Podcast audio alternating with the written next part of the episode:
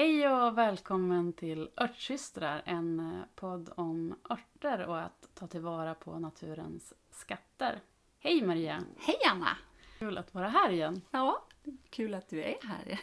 Idag så ska vi prata om örter ur ett självförsörjningsperspektiv. Det går ju att få tag på örter på väldigt många olika sätt. Det går att köpa örter i torkad form, i tinkturform, men det går ju också att skörda väldigt mycket örter som växer runt omkring oss. Mm.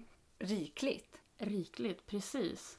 Jag tror att väldigt många är inte medvetna om hur mycket örter vi faktiskt har, har omkring oss som vi kan använda för väldigt många olika krämpor. Och att det inte är så krångligt som man kan tro. Nej, maskrosor. Ja, daggkåpa, hallon. Och det härliga med att, att skörda örter i sin närhet, det har, ju, det har ju många olika fördelar. Dels så är det ju väldigt, ur ett hållbarhetsperspektiv, väldigt positivt. Ja, men det går ju inte att få någonting mer närodlat än eh, vildväxande örter som växer runt husknuten. Tänker självförsörjning är väl, börjar väl kännas mer och mer aktuellt idag utifrån vad som händer i världen så om man inte har tänkt på det innan kanske man börjar känna nu att det kan vara ganska skönt att ha lite saker hemma. Ja, de senaste åren har ju gjort det väldigt tydligt att, eh, att den värld som vi lever i inte är så förutsägbar som vi kanske har trott och att leveranskedjor är sårbarare ja, än vad vi så, har förstått. Ja, det är inte lika självklart att man bara kan gå och köpa eller beställa eller att det finns tillgängligt så här snabbt. Och där är ju att ha en grundläggande kunskap om hur man skördar och torkar örter, eh, vilka örter i ens närhet som man kan använda i olika ändamål. Det ger ju en, en trygghet i en osäker tid.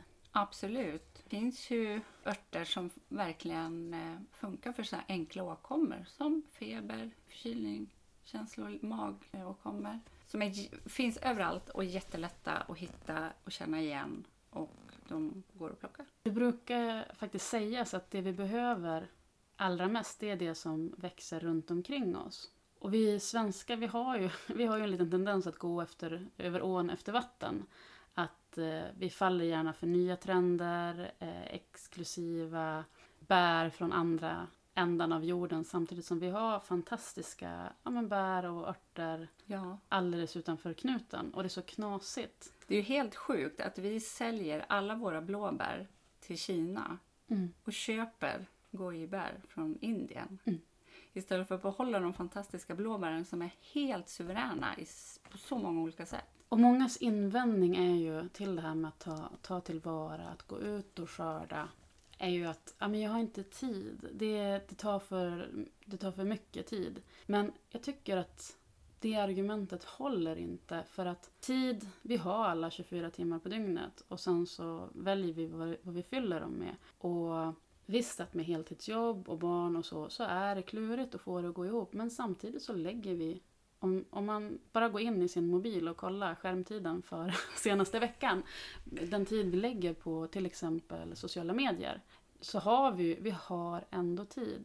Och på senare år så har ju det här med skogsbad blivit väldigt trendigt och ja, med all rätt för det är någonting som vi, vi mår väldigt bra av. Men man behöver ju inte krångla till det och betala pengar och gå och boka in en skogsbadssession. Vi mår bra av att röra oss ute i naturen varje dag. Och om man då ser till att plocka någonting varje dag så tar man ju med sig liksom den känslan, den dagen där på sommaren. Tillbaka in och lägger i frysen eller fryser in. Och jag tror att det också hänger ihop med att det blir att det är lätt att, att det blir till ett måste. Att det känns jobbigt och så då sen när vi vill boosta vår hälsa då klickar vi hellre, hellre hem något pulver. Men det är så snett. Ja, det är helt galet. Och sen tänker jag att, att man kanske har en föreställning att man måste ge sig ut i någon stor gammelskog. Någon, eh, för bor du i en storstadsregion eh, som jag gör så ska jag komma åt en storskog då är jag tvungen att ta bil. Men det finns ju natur väldigt nära ändå. Det överallt. Det finns gröna områden och det räcker räcker många gånger till Mm. väldigt, väldigt mycket. Det behövs liksom inte vara den här stora utflyktsapparaten utan det räcker bara att sätta på sig ett par gympadojor och gå till närmsta gröna plätt så hit, kan man hitta massor. Precis, och särskilt när det gäller de, de vanligaste och faktiskt mest användbara örterna. Groblad, rölleka, maskros, hallonblad, Daggkåpa. daggkåpa. Jag, jag brukar skratta lite åt det när jag, jag har kontor i, i mitt hus men det är en, en egen separat ingång så jag måste gå ut och gå runt husknuten. Och det är väl 15 meters promenad. Och bara på den, under de 15 metrarna, jag skulle kunna hålla en hel örtvandring och då är det inte för att jag har planterat någonting där utan det är bara det som sticker upp ur, ur Ja. gräsmattan Ja. där. ja, man skulle nästan kunna döpa om det här avsnittet till Plocka växter i storstadsmiljö. Ja, men precis. För det går... Det, och jag tror också det att vi, vi gör det... Vi tror att det är så mycket krångligare än vad det är. Att vi behöver massor av kunskap för att komma igång. Mm, det tror jag också. Men eh, gå ut och plocka lite nässlor eller kirskål. Ät. Det finns alltså, ja. Ja, och där säger du ju någonting viktigt. För det är ju också en annan aspekt av det. Att dels så kan vi ju gå ut och skörda örter, torka och spara för, för vinterns behov vid krämpor och så. Men en annan aspekt av den här rikedomen vi har runt omkring oss är ju att vi kan använda den till mat här och nu. Och särskilt på, på försommaren. Och särskilt de två örter som du nämner som de är så vanliga. De växer överallt, de anses vara ogräs. Men de är ju fullpackade med massor av näringsämnen. Och goda. Och goda. Nu sitter vi ju här och säger att det här är så enkelt och gör så här, gör så Mm. här. Men om vi ska vara lite konkreta. När du, nu på försommaren när du är ute och plockar nässlor och maskros. Nej, nässlor och kirskål sa du. Och använder dem i mat. Kan inte du berätta lite? Vad lagar du? Vad använder du det till? Ehm, det blir ju väldigt mycket typ eh, grön pesto, ogräspesto. Sen så brukar jag liksom mala ner det lite i allt möjligt faktiskt. Ehm, nässlor är ju så fina nu så de, eh, de torkar jag ganska mycket och använder dem som liksom örter, som nässelpulver. Men kirskål, det äter vi väldigt mycket. Och, och kirskål är ju ett väldigt vanligt eh, trädgårdsogräs. Ja. Eh, som också finns spritt liksom. Den har ju spritt sig från trädgårdar ut i, I världen. i världen och i naturen. Men den är ju... Den heter kirskål men den är ju ingen kolväxt. Utan den är ju ganska... Man brukar säga att man kan använda den som spenat. Och vissa menar ju att den till och med är godare än, än spenat. Så du kan liksom byta ut den i alla typer av rätter där du annars skulle använt spenat. Man kan ha med den i en blandsallad. Mm. Man kan ha förvälla den och ha den i botten i en fiskgratäng. Man kan göra en god pastasås med... En paj. Precis. Eh, jag tänker på den här pastasåsen som vi pratade om apropå spenat. När vi pratade Igår Om mat. om mat. Ja, nyligen. Eh, för då, då berättade du för mig att du brukar göra en, en enkel grön pastasås med spenat. Men jag tänker att här funkar kirskål jättebra. Så tror jag att du brukade ha i lite ädelost. Ja. I den, en gräddskvätt, kanske lite vitlök. Superduper gott. Och det är liksom istället för att köpa en inplastad spenattråg som har vuxit någonstans lite, under lite hetsiga förhållanden och sen plastats in och körts eh, till din butik och du åker och hämtar den med bilen, lägger pengar på den, så, så kan man också bara gå ut och plocka, Olika gröna saker. ja, plocka de här, den här kirskålen i en, ett durkslag och sen gå in och, och laga mat på det. Det tar en liten stund, kanske tio minuter, men då får man också den här ja, men, friska luften, man är ute i naturen, stressnivån sjunker lite grann, eh, fåglarna kvittrar och i slutändan, det blir oftast väldigt gott och så Väldigt näringsrikt. väldigt näringsrikt. Och så känner man sig lite, lite nöjd med sig själv i slutändan. Ja, men det tycker jag nog att man gör. Så det är några tips för hur du kan använda kirskål i matlagning. Du nämnde ju också att du brukar eh, skörda väldigt mycket nässla just nu. Mm. Och torka och använda som pulver. eh, att ha som, som tillskott under hela året. För dig som blir nyfiken på, på nässla kan vi ju tipsa om att just nässla är månadens ört inne på mitt, Annas Instagramkonto som heter Läketrädgården fast utan prickar. Laketrädgården. Där djupdyker jag i en enda ört varje månad i inlägg, reels, stories och livesändningar. Så vill du veta mer om hur du kan använda just nässla och vad nässla har för örtmedicinska egenskaper så kika in där. Läs och lär mer om just nässla.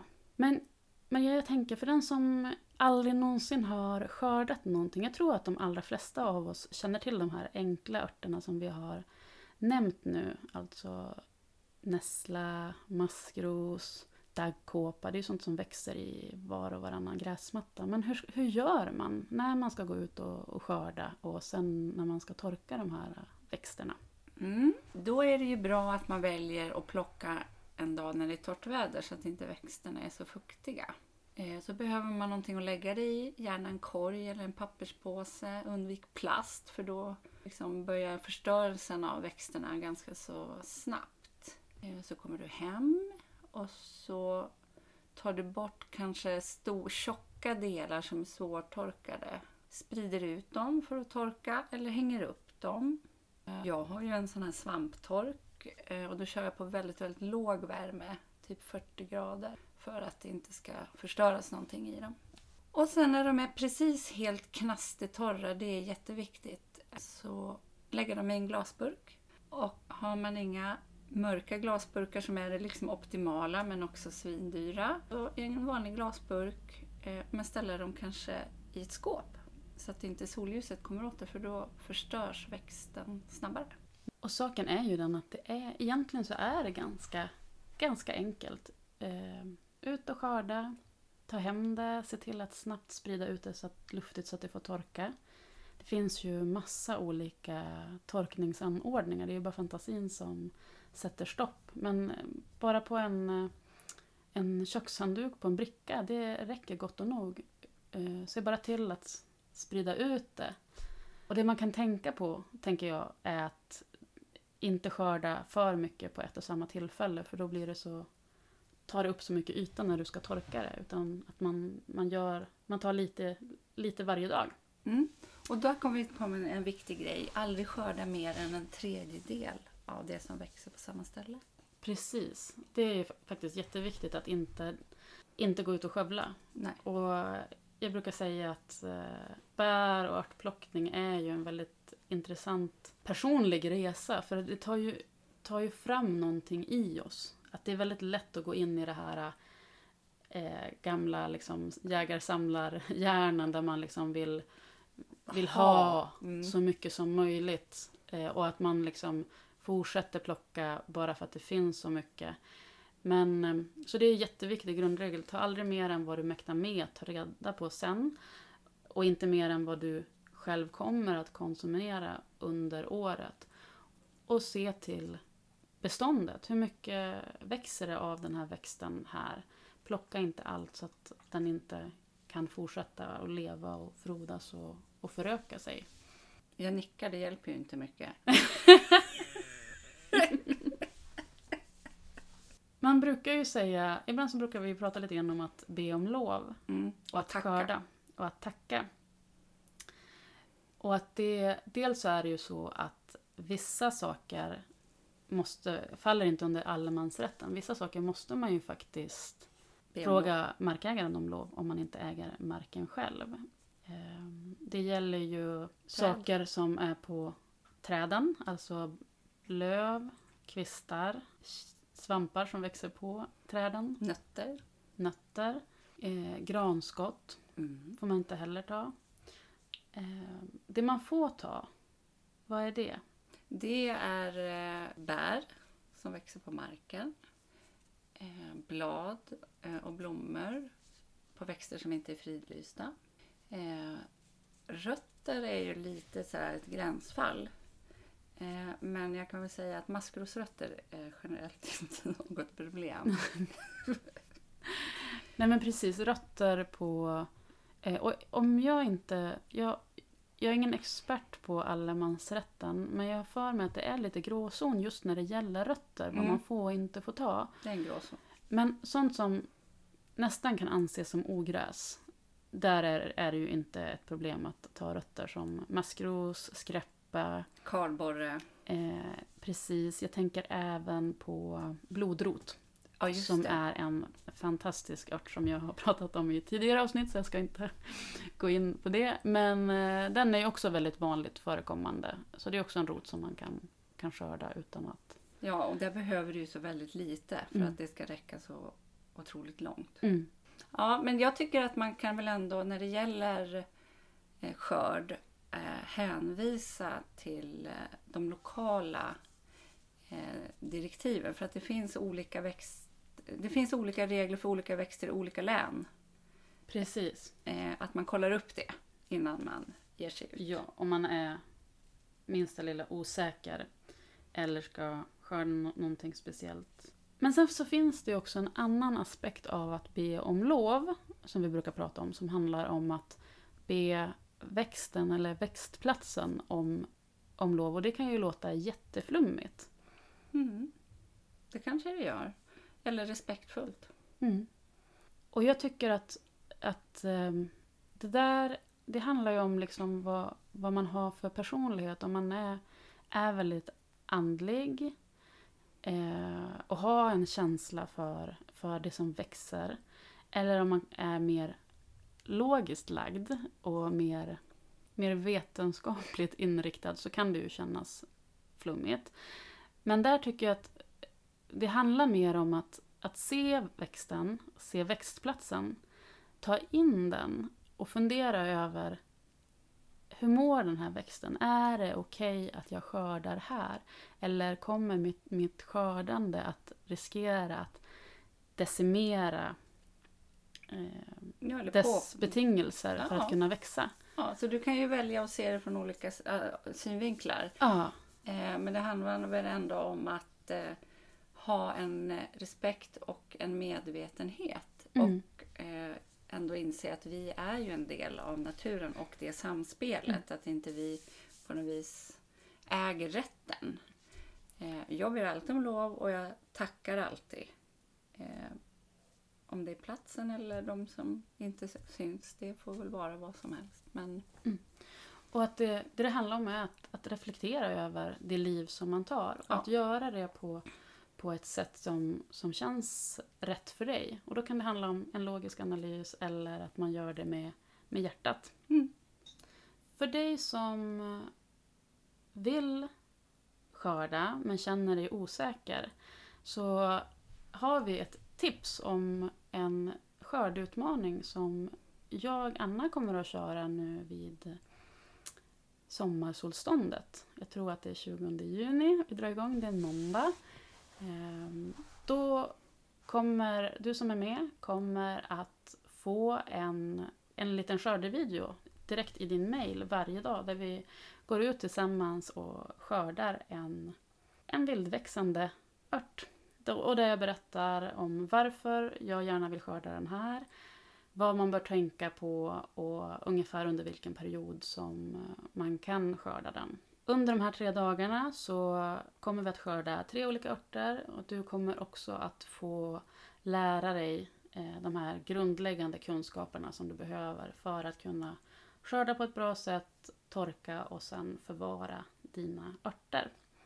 Är du nyfiken på det så kolla in länken som jag hoppas ligger, ligger i eh, avsnittsbeskrivningen till det här avsnittet. Maria och jag är ju fortfarande lite nya på det här med poddande så att vi, lite. vi är lite osäkra på de tekniska möjligheterna. Skulle det vara så att det inte går att länka upp utmaningen där så går det är det enklaste sättet att du går ehm, in på min Instagram-profil, Lake Tradgarden. Eh, på profilsidan där så ligger länken där. Och är du lite mer nyfiken på matlagning av eh, det som växer runt omkring så kommer jag nog, och eh, inte nog, kommer jag att lägga ut en lite tips och tricks och vad jag håller på med och pysslar med på Naturklok på Instagram. Precis. Och ta gärna för vana att om ni inte redan följer oss så följ oss och kika in eh, på våra Instagramkonton. I samband med varje avsnitt så eh, kommer vi att lägga upp lite lite reels och inlägg som kopplar an till, eh, till det som vi har pratat om i avsnittet. Mm. Sen så skulle vi vilja be er om hjälp. Om ni gillar det ni hör, gillar att lyssna på våran podd så får ni jättegärna gå in och göra en recension av våran podd. Ja, Där, där ni lyssnar. Och gärna tipsa de som du tror kan tänkas uppskatta den. såklart. Det var allt som vi hade för idag tror jag. Ja, jag tror det. Då får vi önska er en trevlig vecka. Så hörs vi igen nästa fredag. Då ska vi prata lite mer om, om örter ur ett andligt perspektiv. Ja, det ska vi. Så vi hörs då. Hejdå! Hej!